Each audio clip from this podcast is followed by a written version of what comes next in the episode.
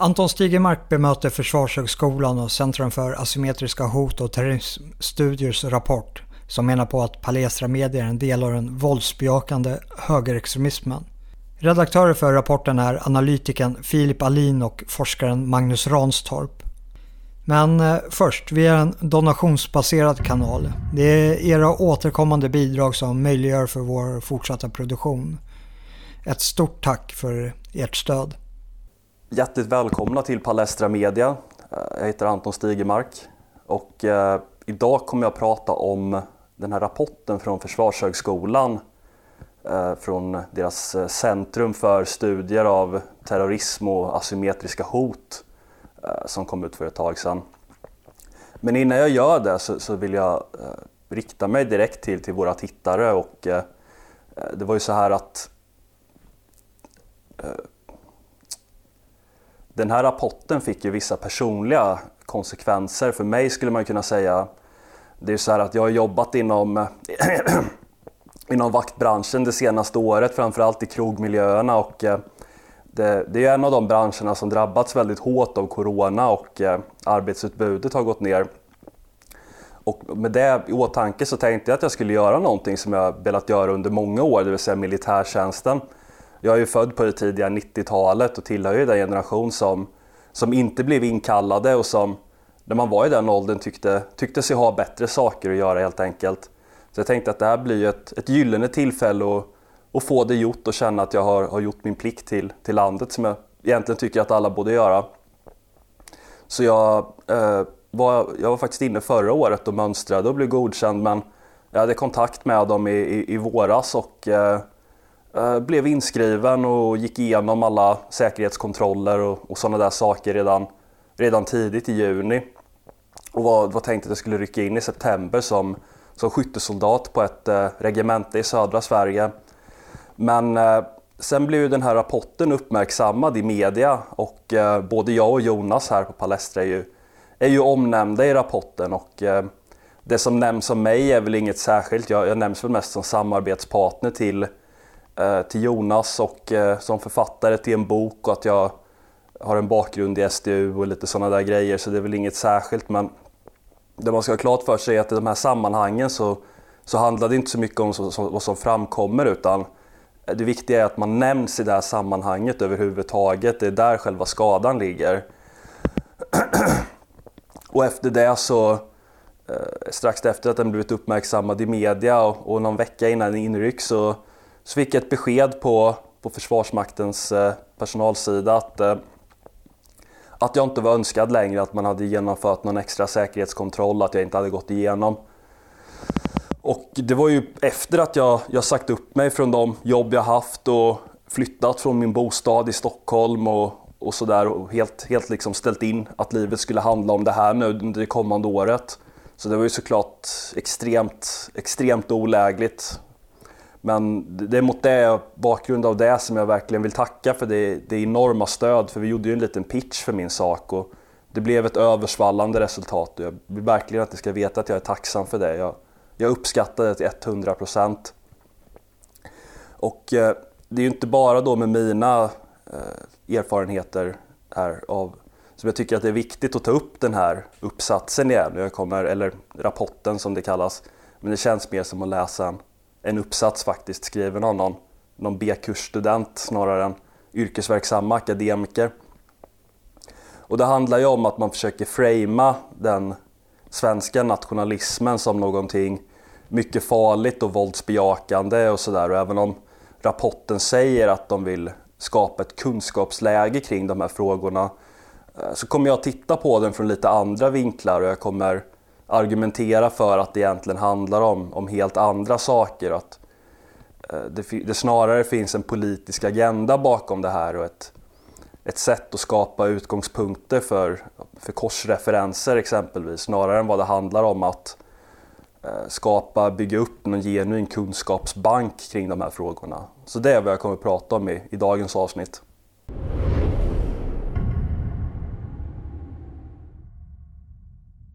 Alltså, när man ska ha klart för sig när, när det gäller de här sakerna är ju att det är ju inte självklart egentligen att en politisk miljö ska studeras av ett centrum för terrorismstudier. För även om man har en kontroversiell politisk rörelse så är det ju inte en självklar, eller det, det är inte givet på något sätt att, eh, att, att vad den gör övergår i, i terrorism utan det, det kan hända såklart. Det finns olika typer av grupperingar. Det finns de här nationella befrielserörelserna, IRA till exempel.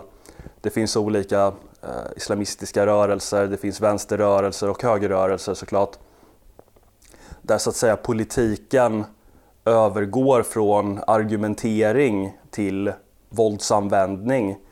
Och det är ju där det blir ett eh, eh det, det där då blir, då blir det en angelägenhet för ett helt annat typ av politiskt studium.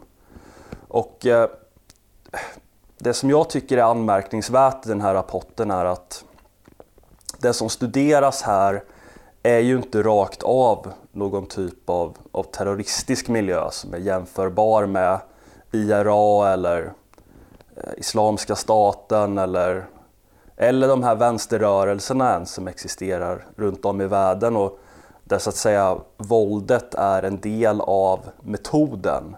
Det ligger så att säga i teorin, det är ingenting som kan uppkomma slumpmässigt utan det ligger så att säga i sättet att arbeta. Utan det som studeras här är ju det man kallar för eh, den svenska radikalnationalistiska miljön. Och det som jag saknar i den här uppsatsen, eller förlåt, jag, jag kommer nog säga fel många gånger under den här eh, och kalla det uppsats istället för rapport, för det känns som att vara tillbaka på ett, eh, ett gammalt oppositionsseminarium faktiskt. Men det, det, finns överhuvudtaget ingen diskussion i metodkapitlet eller där man gör sina metodologiska överväganden om varför är det fallet att ett centrum för terrorismstudier och asymmetriska hot studerar en politisk miljö i Sverige.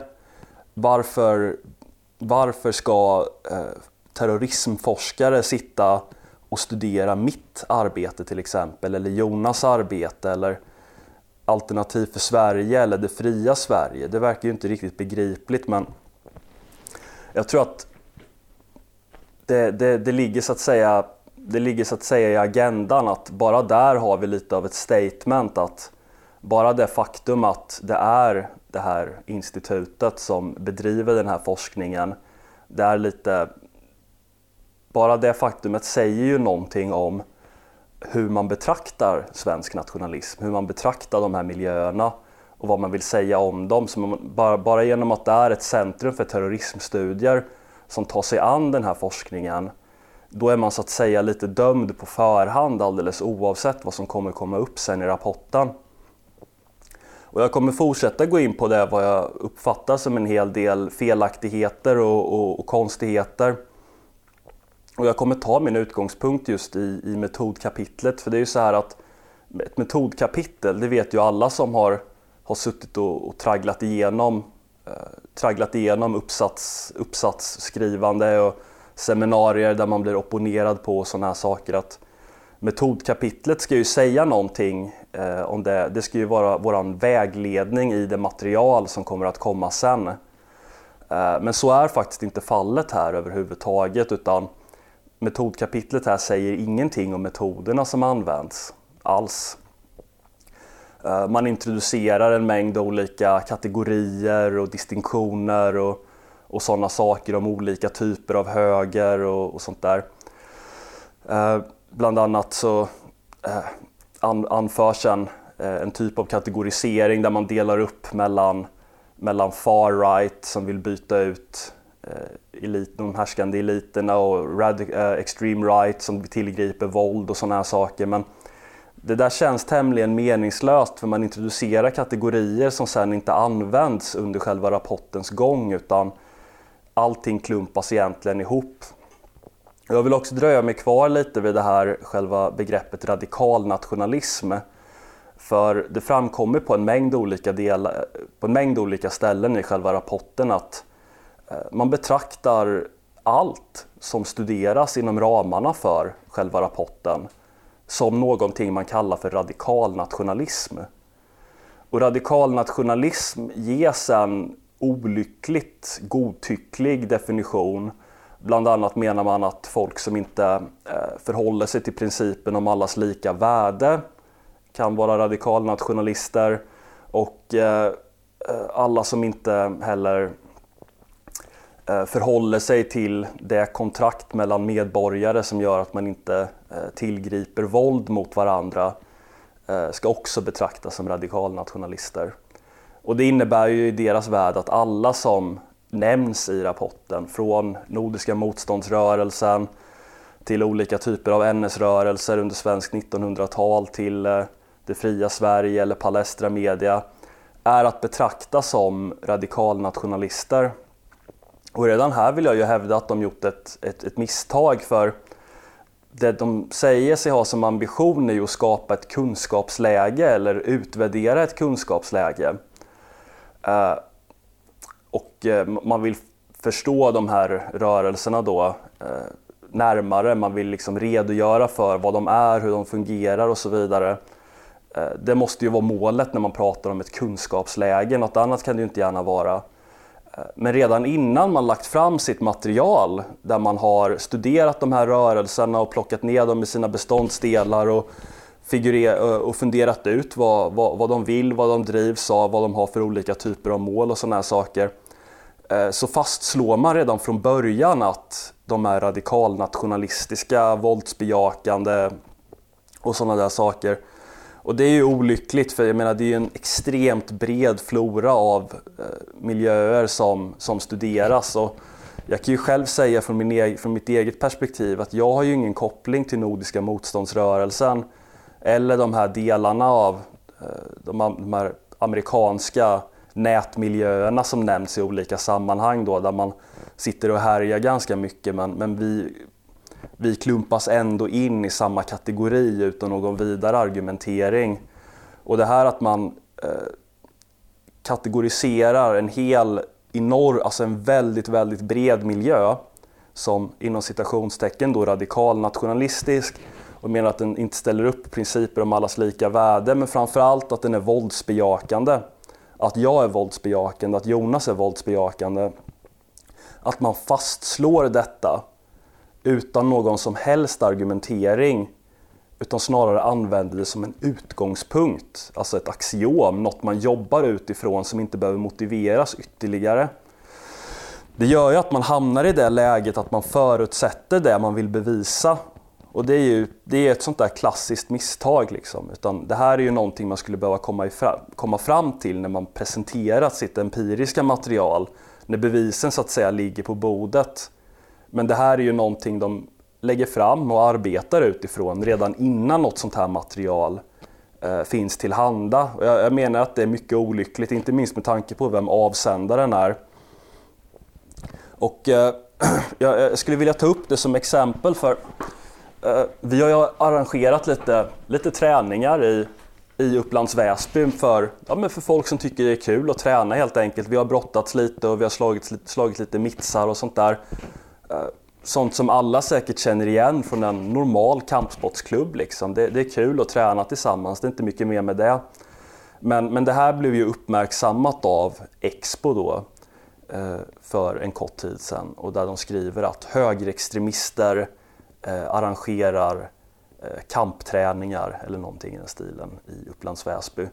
Och där säger de att både jag och Jonas omnämns i rapporten. Och det är lite nästa grej jag skulle vilja komma in på att även om eh, det som framkommer i rapporten inte är relevant, jag menar det som nämns om mig är ju det, det, säger ju ingenting egentligen, det är ju saker jag står för alla dagar i veckan. Att jag har skrivit en bok, jag har varit med i SDU och sådär. Eh, när det kommer till Jonas fall så, så, finns det en hel del flagranta lögner som, som han har bemött bland, när han ringde upp Filip Alin och försökte få till ett samtal om, om de misstag som han, eller misstag, avsiktliga fel kanske till och med, som han ansåg hade begåtts i det här fallet. Och Filip Alin kunde ju inte, han kunde ju inte redogöra för någonting av det här utan det blev ju goddag yxskaft gång på gång. Men, men, det spelar ingen roll därför att bara det faktum att man är omnämnd i det här sammanhanget ger ju en typ av av legitimitet. Och det, det är någonting som jag eh, vill komma ihåg och nämna i det här sammanhanget att olika aktörer som i princip har samma agenda stödjer ju sig varandra för att skapa ett, vad man skulle kunna kalla en, en hubb av korsreferat där man refererar till varandra. Att Expo, deras aktier har ju sjunkit ganska mycket de senaste åren. Det, de, de har inte riktigt samma kapacitet som de en gång hade, det, det känner jag mig ganska säker på. Men då är det ju ganska behändigt för dem att hänvisa till en rapport från ett centrum som är eh, förlagt på Försvarshögskolan. För det, ger ju, det stärker ju deras aktier ifall de kan referera till en sån sak. Men faktum är att jag har gjort en del sökningar i själva dokumentet och Expo är omnämnda 472 gånger under rapportens gång. Och vissa av de här omnämningarna är såklart källor som anges två gånger och sådana där saker. Så det är inte rakt av 472 eh, origine eller liksom originella hänvisningar men Expo citeras flitigt under den här rapportens gång. Väldigt flitigt. Mycket av de slutsatserna som har dragits kommer från eh, Expos inflytande och det arbete som de har gjort. Och då måste man ju förstå att Expo är ju i princip att betrakta som en privat underrättelsetjänst som befinner sig långt ut på vänsterkanten och som har grundats av personer som Tobias Hübinette och Stig-Eg Larsson som med all rätt skulle kunna betraktas som extremister. Tobias Hübinette har ju ägnat årtionden åt att torgföra eh, i princip rasism mot vita människor som också då finansierar den forskning han bedriver Stig-Eg Larsson var, var en väldigt radikal trotskist. Och det är de här rötterna som Expo har och eh, det är till stora delar dem som en rapport som denna stödjer sig på som Expo sen då kan hänvisa tillbaka till för att ge ytterligare legitimitet till sina argument när det väldigt mycket är deras inställning till de här frågorna som har format rapportskrivarna. Så ni, ni förstår vad jag menar, att det här blir liksom Eh, en fråga om att det är ett antal olika aktörer med en liknande agenda som egentligen bara refererar tillbaka till varandra men, men, utan att det kanske märks rakt av utan det framstår som originella citat.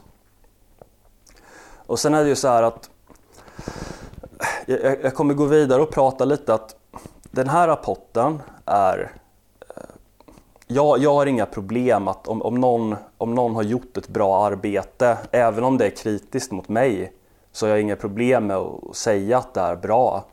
Det finns exempelvis en amerikansk statsvetare som heter Benjamin Teitelbaum som har skrivit eh, flera böcker om, om extremhögern och nationalism i olika sammanhang.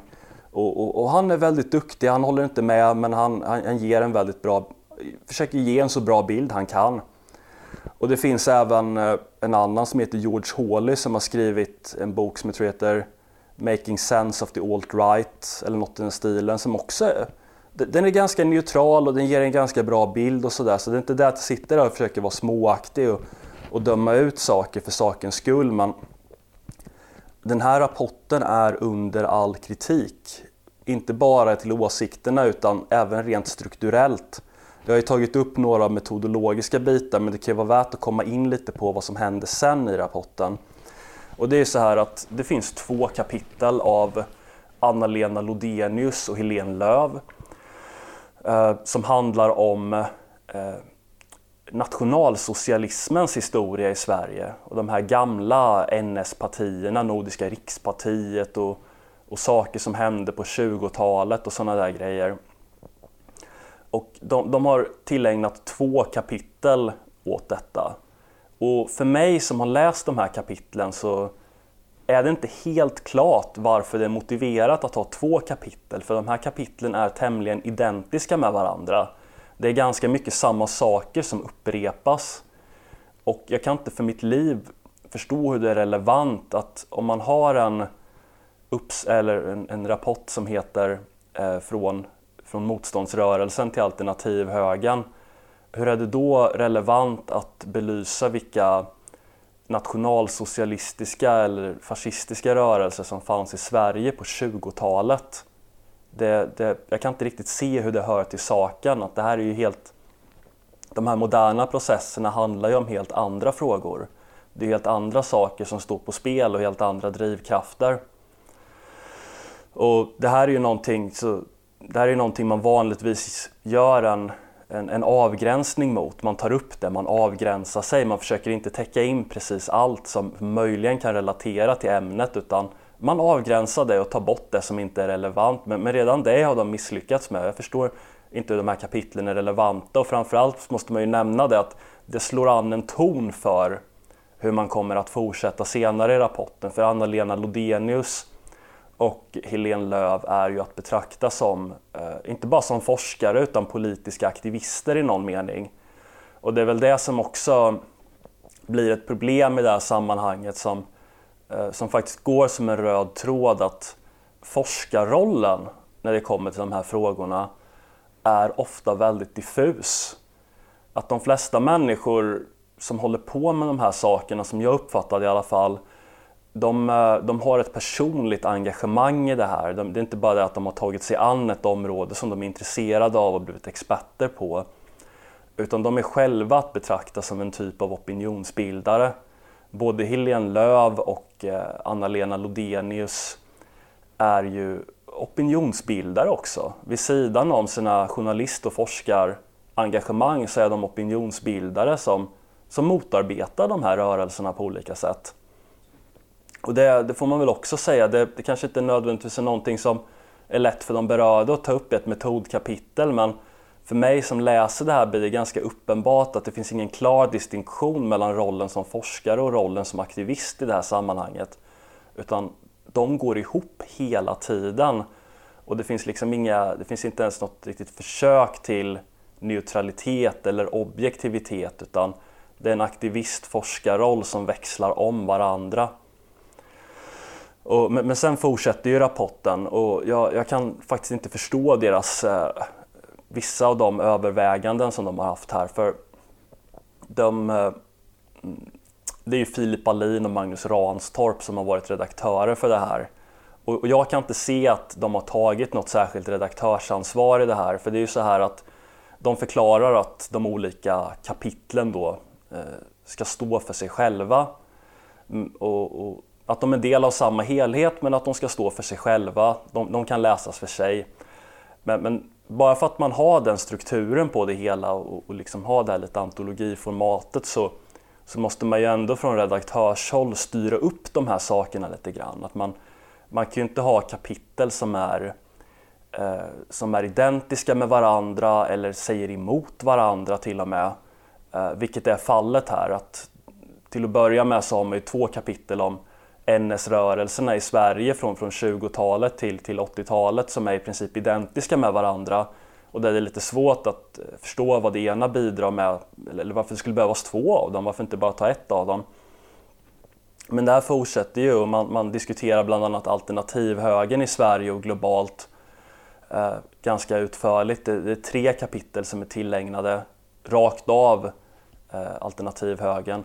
Och de här kapitlen är också till stora delar till strukturen identiska med varandra, vilket för mig är helt obegripligt. att De inleder på samma sätt med att ge liksom en kort historik och lite grundläggande definitioner och prata lite om hur althögern har utvecklats och vad det finns för, för personer som har stått bakom och sånt där. Och det sker ganska mycket på samma sätt i alla tre kapitlen. Och jag ifrågasätter det. Varför ska man ha tre kapitel som gör samma sak om och om igen. Och det, det, det, det är såklart, det tycker jag är obegripligt, det är slappt. Men sen ifrågasätter jag också därför att även om strukturen är väldigt lik varandra så kommer ju författarna fram till ganska olika slutsatser hela tiden. Om man läser exempelvis Filip Alins och Magnus Ranstorps eh, kapitel så kan man ju tro att det är fortfarande 2018 när, när althögern i Sverige och internationellt stod i senit, det vill säga det gick väldigt bra för den. Men eh, som jag ser det, jag tror att det är någonting som många skulle hålla med om, att althögern har ju varit en, liksom en process av nedgång de senaste åren av olika anledningar. jag menar, det, det är ingen stor rörelse i Sverige eh, alls. Det, och globalt så har det varit en, eh, också en kraftig nedgång. Att många av de sidor som har startats upp har lagts ner och, och sånt där. Som alla politiska rörelser, att de, de har sin tid, de har sin popularitet och sen går det tillbaka. Men hade jag läst Filip Alin och Magnus Ranstorps kapitel då hade jag trott att, eh, att det var 2018 igen och det känns som att de skrev kapitlet 2018 och sen helt enkelt inte uppdaterade det. Och det som blir märkligt också är att någon mening så måste ju kapitlen vara lite synkade med varandra. För i kapitlet som kommer efter deras, där diskuterar man ju allt högens nedgång. Och att den inte är en, en potent rörelse längre utan att det, det, som hänt är att den, den led ganska kraftigt, den, den blödde ganska kraftigt efter Charlottesville och, eh, och efter det så, så, så tappade den väldigt mycket styrka och sånt där. Så där säger de liksom emot varandra och jag tycker att det blir ganska märkligt för även om man ska kunna läsa kapitlen för sig så, så framstår det ju som lite förvirrande för läsaren när allt högen i ett kapitel framställs som en mycket potent kraft och, och, i nästa kapitel så som att den i princip då är på nedgång och inte alls är samma potenta rörelse längre. Och jag tycker att det framstår som ganska märkligt.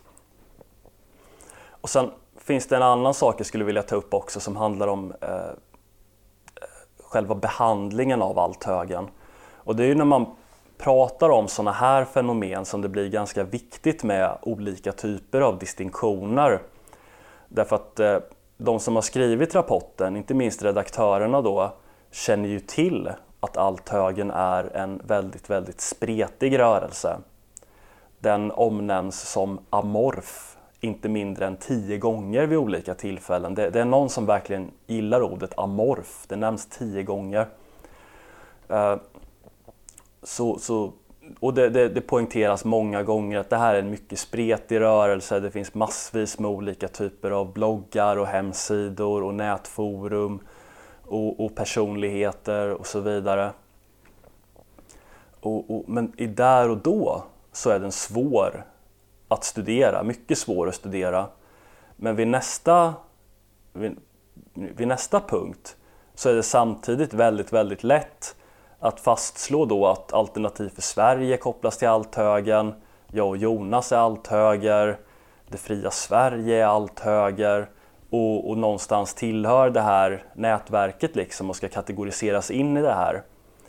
Och det, det, tycker jag framstår också som, som ganska konstigt om jag ska vara ärlig, att i ena sekunden är althögen jättesvår att studera, den är oerhört amorf och vid nästa stund så kan man bara fastslå helt enkelt att personer som, som aldrig skulle kalla sig själva althöger tillhör den och därmed ska då vara medansvariga till olika typer av saker som, eh, som händer i, i althögen eller som händer på de här ganska, ganska obskyra nätforumen som, som finns i USA.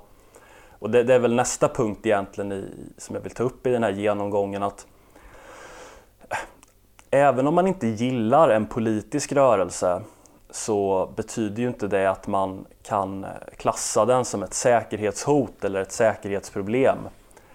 Att, eh, att någon lägger fram en viss typ av samhällskritik mot eh, mot det mångkulturella projekt som politikerna har drivit de senaste årtiondena betyder ju inte att man, man vill se människor bli skjutna på gatorna eller att man uppmuntrar till någon typ av våldsamheter. Vilket ju, vilket ju vi inte gör här och vilket de flesta inte gör utan man, eh, man arbetar politiskt med de här frågorna som, som de allra flesta gör genom att eh, ta bygga upp ett faktaunderlag och kommunicera ut det till allmänheten eller genom att eh, hitta andra vinklar på, på saker och ting än vad som eh, framförs i mainstream media eller, eller politikerna som driver den här agendan. Och, så där. och det, det, det, måste man ju rimligtvis få göra utan att bli ett föremål för, eh, för säkerhetstjänsten eller eh, hamna i, i, i blickfånget för terrorismstudier. Att det, det verkar ju ganska märkligt annars. Men det, det som är ett eller det som varit högens stora problem globalt är ju att det finns ett, ett litet antal eh, så kallade ensamagerande gärningsmän. Då. Jag tror att det rör sig om, om fem eller sex personer globalt vid olika sammanhang. Eh, och, och något man kan notera också är faktiskt att de fastslår att de fastslår inledningsvis i metodkapitlet att det finns ett för litet underlag för att fastslå det kausala sambandet mellan den här typen av opinionsbildning och de här ensamagerandes eh, gärningar och att eh, underlaget är alldeles för litet för att man ska kunna dra några vida slutsatser från det. Eh, det skriver man inledningsvis men, men, det är samtidigt någonting man, man ignorerar under själva rapportens gång sen. Så det är också en, en märklighet som jag skulle vilja eh, sätta lite ljus på. Men de här ensamagerande är ju värda att, att dröja sig kvar vid för det är ju genom de här, det här liksom lilla antalet personers agerande som det blir anledning för, för det här centret för, för terrorismforskning att engagera sig i de här frågorna. Därför att, jag menar, varför ska en politisk miljö studeras av terrorismforskare egentligen? Det här är ju liksom, det här måste ju studeras som en politisk fråga egentligen. Att, vad, vad liksom finns det för missnöje som driver populistiska rörelser? Vad finns det för saker som händer i samhället som kan motivera de här sakerna? Vad, vad finns det för, för liksom drivkrafter i allmänhet? Och det, det är ju en fråga för statsvetare eller sociologer, att, journalister kanske att ta sig an. Det är inte nödvändigtvis en fråga för, för människor som studerar terrorism egentligen. Men då är ju kopplingen mellan de här ensamagerande som, som är grejen. Och det man vill göra ett nummer av är att de här människorna kan ha varit påverkade av, av olika typer av influenser som de stött på på nätet och eh, olika typer av opinionsbildning och, och sådana där saker. Men där så får man ju också kanske göra lite distinktioner för, för jag, det, det jag kan hålla med om utan tvekan är ju att det finns nätmiljöer, eh, vissa obskyra forum och sådär där man har pratat om de här sakerna, där man har uppmuntrat de här människorna till att begå sina handlingar och sånt där. Eh, och, och, och, det är väl det sektionerna om, om det egentligen i den här rapporten som är, som är kanske det mest meriterande arbetet egentligen. För om det är folk som uttryckligt uppmanar till våld och vill glorifiera den här typen av terrorister, då är det ju motiverat att behandla det som ett säkerhetshot. Eh, och då är det motiverat att studera det inom ramarna för terroristforskning, det håller jag med om till 100 procent. Men samtidigt är det ju så här att man kan ju, man kan ju göra en distinktion mellan att ägna sig åt en viss typ av opinionsbildning eh, och en viss typ av samhällskritik mot någonting eh, och sen att den kritiken ska syfta till politiska, demokratiska förändringar eller en förändrad eh, opinionsbildning. Och att det finns personer som, eh, som drar vissa konsekvenser av det här som sen inte överhuvudtaget var menade av, eh, av de som la fram den här kritiken till att börja med. Det är en ganska stor skillnad mellan det och folk där den politiska eh, där, så att, eller där våldet så att säga är en formaliserad arbetsmetod. Jag menar det finns en ganska bred flora av, av anarkistisk litteratur eller vänsterlitteratur där, där liksom kampen mot staten och mot, eh, mot det som staten representerar är institutionaliserat eller det är liksom instrumentellt. Att du kan inte tänka dig den här politiska rörelsen utan de här våldsamheterna. Eh, och om, jag tror att om man skulle om man skulle prata om vänstern så, så, skulle man göra de här distinktionerna. Att man, man skulle liksom inte klumpa ihop eh, socialdemokratisk eh, opinionsbildning med eh, de här, det svarta blockets agerande på gatan sen utan man, man skulle liksom göra den distinktionen men, men, det gör man inte i det här fallet. Utan det, det är som de skriver flera gånger i rapporten att alla anses vara eh, del av samma destruktiva narrativ. Och det är den typen av värdeladdade ord som, som används hela tiden, att man återkommer till destruktivt narrativ eller giftiga attacker eller saker i den stilen. Att folk som, som, som jag, Jonas till exempel, som, eh, som, som ägnar oss åt en typ av eh, samhällskritik från ett, ett frihetligt högerperspektiv skulle alltså klumpas in i samma kategori som eh, någon snubbe i, i, i, USA som inte alls delar våra utgångspunkter egentligen och har en helt annan syn på, på väldigt, väldigt mycket. Men, men vi skulle på något sätt ändå kunna göra oss ansvariga för de här sakerna. Och det visar väl också lite på den bristande konsekvensen i, i den här rapporten och liksom lite vad man skulle kunna kalla ett opportunistiskt eller taktiskt inslag. Att eh, när, när, det, när, det när det är opportunt för författarna att kalla althögen amorf till exempel, som sagt de använder tio gånger så säger de att den är amorf när det är svårt för dem att studera den just för att den är så spretig, då är den amorf, då är den svår att studera. Men när det kommer till att fastslå samband mellan de här ensamagerande gärningspersonerna och aktörer som författarna inte gillar som Alternativ för Sverige som ett demokratiskt parti eller Det fria Sverige som, eh, som driver en Sverige svenskvänlig förening med, med traditionell föreningsaktivitet eller sådär. Då är det självklart att det finns en koppling. Och det här saknar ju all konsekvens liksom och det får ju ganska stora... Det är ju sånt som gör att det blir ganska stora växlingar på en sån här rapport därför att man gör de här kopplingarna helt på lösa boliner Eh, helt inkonsekvent och, och, och, lite för att bilda opinion i de här frågorna.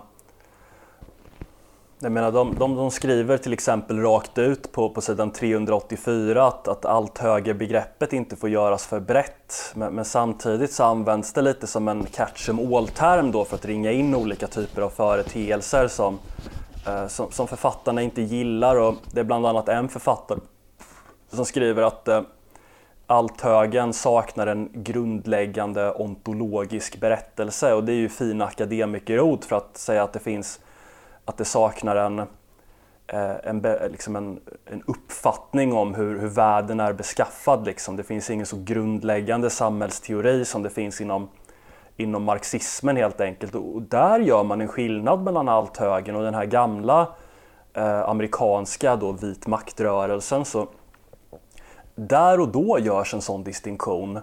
Men, men sen, och det, det, det sker titt som tätt att man gör distinktioner mellan althögern och extremhögern och sen i nästa stund så är althögern och extremhögern samma sak. Och, eh, det finns fler exempel på när man kanske från författarnas, de olika författarnas sida har varit ganska slarviga och, eh, eh och liksom låter sina egna värderingar och uppfattningar eh, eh komma fram. Jag menar, här, här skriver man till exempel att eh, det, det, är på temat att eh, althögern saknar en grundläggande ontologisk berättelse. Och då menar man då att den amerikanska extremhögern har eh, Turner Diaries och Hunter som är skrivna av William Pierce och som, man kan poängtera att det här är ju det här är fiktion, det är romaner, det är liksom inte, kan inte jämföras med Anarchists Cookbook eller sådär.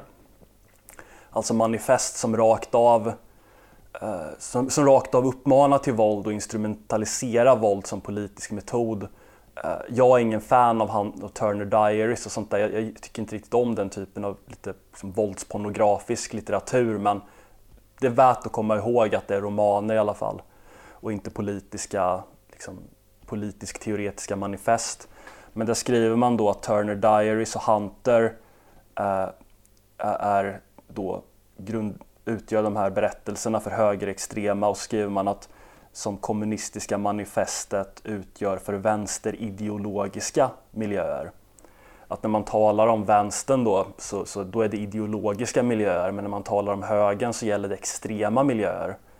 Och det visar väl lite hur, hur de här människorna betraktar höger och vänsterbegreppen då. Att när, när det gäller vänstern, då är det ideologiska miljöer, det är politiska miljöer. När det gäller högern, då är det extrema miljöer. Att det, det vi håller på med, eller det som folk håller på med, det, det, det, är liksom inte politik egentligen utan det är en form av kriminalitet som, som man inte ska betrakta som en eh, det ska inte betraktas som en politisk fråga egentligen utan det ska betraktas som en säkerhetsfråga. Och eh, eh det, det, tycker jag är märkligt för som, som skriver inledningsvis i, slu, i, i, rapporten så så menar de ju att det inte går att belägga det kausala sambandet mellan den här typen av opinionsbildning och eh, de ensamagerandes agerande. Det finns ett för litet underlag att stödja sig på. Och man skriver bland annat att eh, man inte betraktar eh, Nordiska motståndsrörelsen, det finns ett kapitel om den, man beskriver att man inte betraktar den som systemhotande. Och man skriver även att eh, det, det, man betraktar inte att den löper någon risk att, eh, att radikaliseras till våldsamheter under nuvarande ledning. Eh, Säpo skriver i sitt kapitel att man inte betraktar alternativhögern i Sverige som en eh, kriminell organisation. Så det, det, är de här liksom inkonsekvenserna som framkommer under hela, upps, eh, hela rapportens gång. Liksom. Man säger emot sig själva. Det verkar inte vara synkat. Det finns ett väldigt stort anslag av opportunism här. Att när, man, när, man kan, när, det, när, det liksom, när det blir svårt och knepigt för dem att koppla ihop saker eller liksom studera det här, då heter det att althögern eller de här rörelserna är amorfa. De, de är liksom, inte ens althögern har en grundläggande ontologisk berättelse. Men vid ett annat tillfälle i rapporten så är liksom althögern och Palestra Media och de ensamagerande och Nordiska motståndsrörelsen och allt, allt vad ni vill, det är en del av samma radikal nationalism. Så det, det, liksom, det finns ingen konsekvens här överhuvudtaget. Ja, jag kommer att avsluta här alldeles strax, men det jag kan säga är så här att jag, jag vill inte ägna mig åt någon whataboutism. Liksom att, eh, om det är ett säkerhetsproblem, om det faktiskt är ett säkerhetsproblem som man liksom kan studera empiriskt och där det inte är aktivister som försöker föra fram en politisk agenda så då, då, då, är det absolut motiverat att studera alldeles oavsett om det tillhör höger eller vänster. Men de här ensamagerande som bevisligen har ställt till ganska mycket skada, det, det är relevant att studera som en, eh, som en terroristfråga. Det, det, det, är ingen tvekan om den saken. Men det kanske ändå är värt att relatera lite av det man, eh, det man håller på, det man liksom beskriver i den här Eh, Eh, i den här rapporten mot vad som händer i, i övriga samhället och liksom göra lite, göra lite, ägna sig lite åt ett jämförande studium. För det, det är någonting som saknas här. Att, eh, hur, hur, kan man liksom relatera de här högerrörelserna då till, eh, till motsvarande vänsterrörelser? Något man gärna gillar att, att skriva är att eh, de här rörelserna demoniserar och uppviglar och bedriver hat och sånt där. Det, det är fyllt med väldigt många väderladdade ord som som förmodligen ingen av de som är involverade skulle använda för att beskriva sig själva. Och konspirationsteorier är någonting som, som återkommer i väldigt hög utsträckning. Men då kan det vara värt att titta på vad händer lite i övriga samhället just nu. Vad händer med Black Lives Matter till exempel?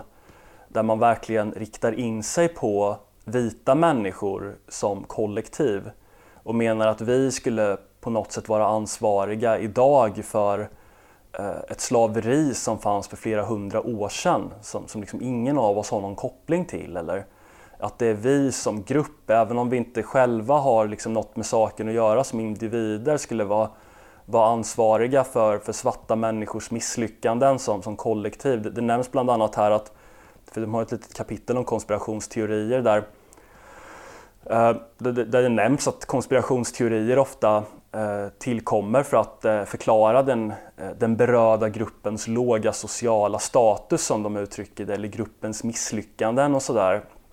Och det är ju liksom klockrent exempel på hur olika typer av minoritetsgrupper positionerar sig mot den svenska majoriteten. Att vi, vi har inte uppnått det som vi skulle kunna uppnå på grund av svenskarnas rasism och förtryck och, och sådär.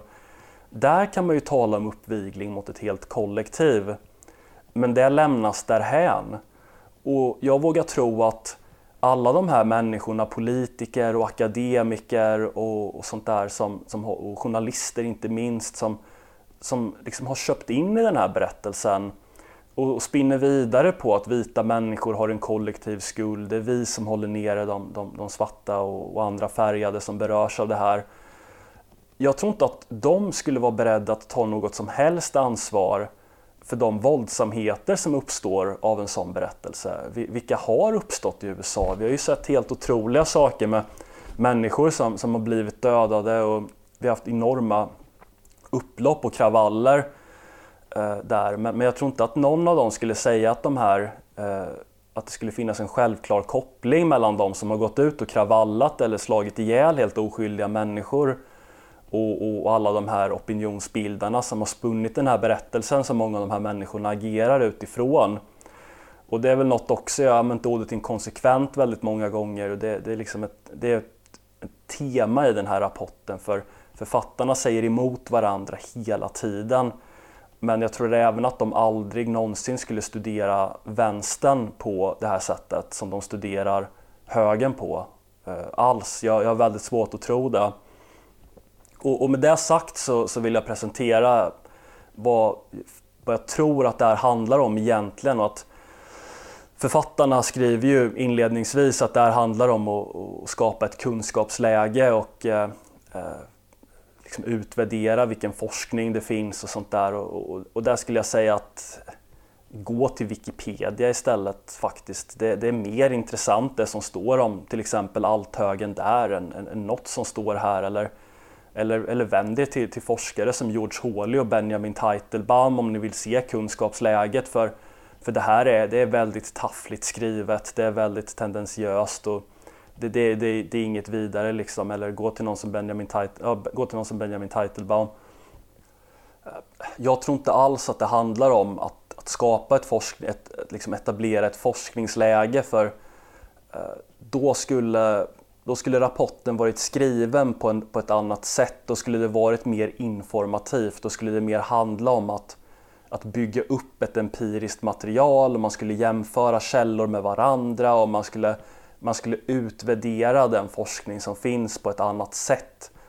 Man skulle inte gå på så oerhört hårt för att eh, ett, etablera de här kopplingarna som man menar finns mellan ensamagerande gärningspersoner och, personer som ägnar sig åt demokratisk politik eller opinionsbildning som inte på något sätt uppmuntrar till våld. Det är en ganska kontroversiell koppling och det skulle man inte göra under de förutsättningarna. Det är väldigt svårt att se. Och två, man skulle nog vara mer eh, synkade i sin rapportering. att Man skulle inte säga emot varandra hela tiden. Det skulle inte finnas de här inkonsekvenserna. Man skulle inte i, ett, i en sektion hävda att althögen är amorf och att den saknar en grundläggande ontologisk berättelse och att den är jättespretig. Och sen i, i en annan sektion när det är opportunt att göra så klumpa ihop precis allt från alla möjliga håll under kategorin althöger och mena att om någon i detta jättenät av, av rörelser och vad det nu kan vara begår en våldshandling så, så om, om någon begår en våldshandling i USA då är Alternativ för Sverige Sverige skyldiga. Det, det liksom, man skulle inte göra det tror jag. Och framförallt skulle, jag bara tycka personligen att man borde styrt upp den här rapporten mer. Att varför har man två, eh, två kapitel om nationalsocialism på 20-talet? Hur, kan det, hur kan det vara relevant? Och varför har man tre kapitel om alternativhögern som alla tre introducerar alternativhögern och ger historik och sånt där och liksom i princip tar upp samma sak samtidigt som de säger emot varandra på olika punkter. Då måste man väl rimligtvis belysa det här från, från olika delar. Och framförallt så, så kan man ju inte, för, kan man inte redan från början förutsätta det man vill bevisa. Att om det nu handlar om att summera ett forskningsläge då måste ju den här slutsatsen om radikal nationalism och de här kopplingarna det måste ju bli slutsatsen när man lagt fram allt material. Men här är det ju ett axiom, det vill säga en utgångspunkt som inte behöver bevisas utan som ligger fast. Liksom. Det är något man slagit fast redan från början men om man vet det, vad, i klarspråk, vad fan är då poängen med, med rapporten för? Då, då har man ju redan korten på bordet liksom. Så, så jag vill mena att det här handlar om två saker. Och den, den första saken, det, det, jag, jag, är inte den första som har berört det utan det har berörts av andra också på, på andra håll. Att det, det, handlar ju om att skapa en hubb för korsreferat därför att vi har olika aktörer här. Vi har Expo, Säpo, FOI, Försvarshögskolan eh, som hänvisar till varandra och, och bygger legitimitet på varandras eh, olika insatser. Men när, tittar man deras arbeten närmare så ser man att i väldigt hög utsträckning så, så hänvisar de till varandra och, och använder varandras slutsatser. Att nu ser vi hur eh, Expo hänvisar till den här rapporten som nämner ex, ordet Expo förekommer 472 gånger under rapportens gång. Så det är lite som att Expo hänvisar till sig själva. Och jag, jag kan garantera tänka mig att eh, FOI och Säpo kommer att hänvisa till den här rapporten också samtidigt som de här människorna hänvisar till Säpo och FOI. Så det blir liksom ett, det, det är liksom en, en milt uttryckt en akademisk ohederlighet i det här. Eh, och sen, men sen den här punkten som jag verkligen tror att det handlar om, det är att förskjuta perspektivet från att det här ska handla eller betraktas som en politisk fråga. För det vill man inte, för en, politisk motståndare måste du lyssna på, du måste argumentera med personen, du måste ta in, i någon utsträckning i alla fall, sätta dig in i personens kritik. Men om någonting är ett, ett säkerhetsproblem så behöver man inte göra det. Och eh, det är därför som man rent allmänt inom forskning brukar tala om ett eh, begrepp som kallas för securitization eller säkerhetisering. Och det handlar om processen när, Eh, när en fråga omvandlas från att vara en politisk fråga till ett säkerhetsproblem.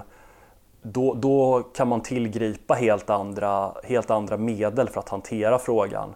Att de, eh, de här framväxande rörelserna som kritiska till politikerna, kritiska till eh, till invandringen och sådär. Om man kan framea dem som en typ av säkerhetsproblem egentligen, då blir det ju mer en polisiär angelägenhet. Då blir det ju mer motiverat att, och gripa oss alla helt enkelt, snarare än att argumentera med oss.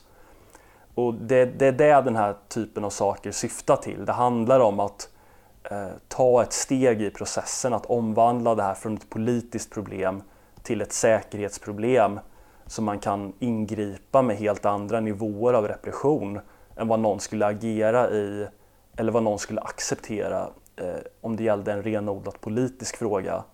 Eh, och med det släpper jag det här för tillfället. Tack så mycket för att ni har lyssnat. Sköt om er.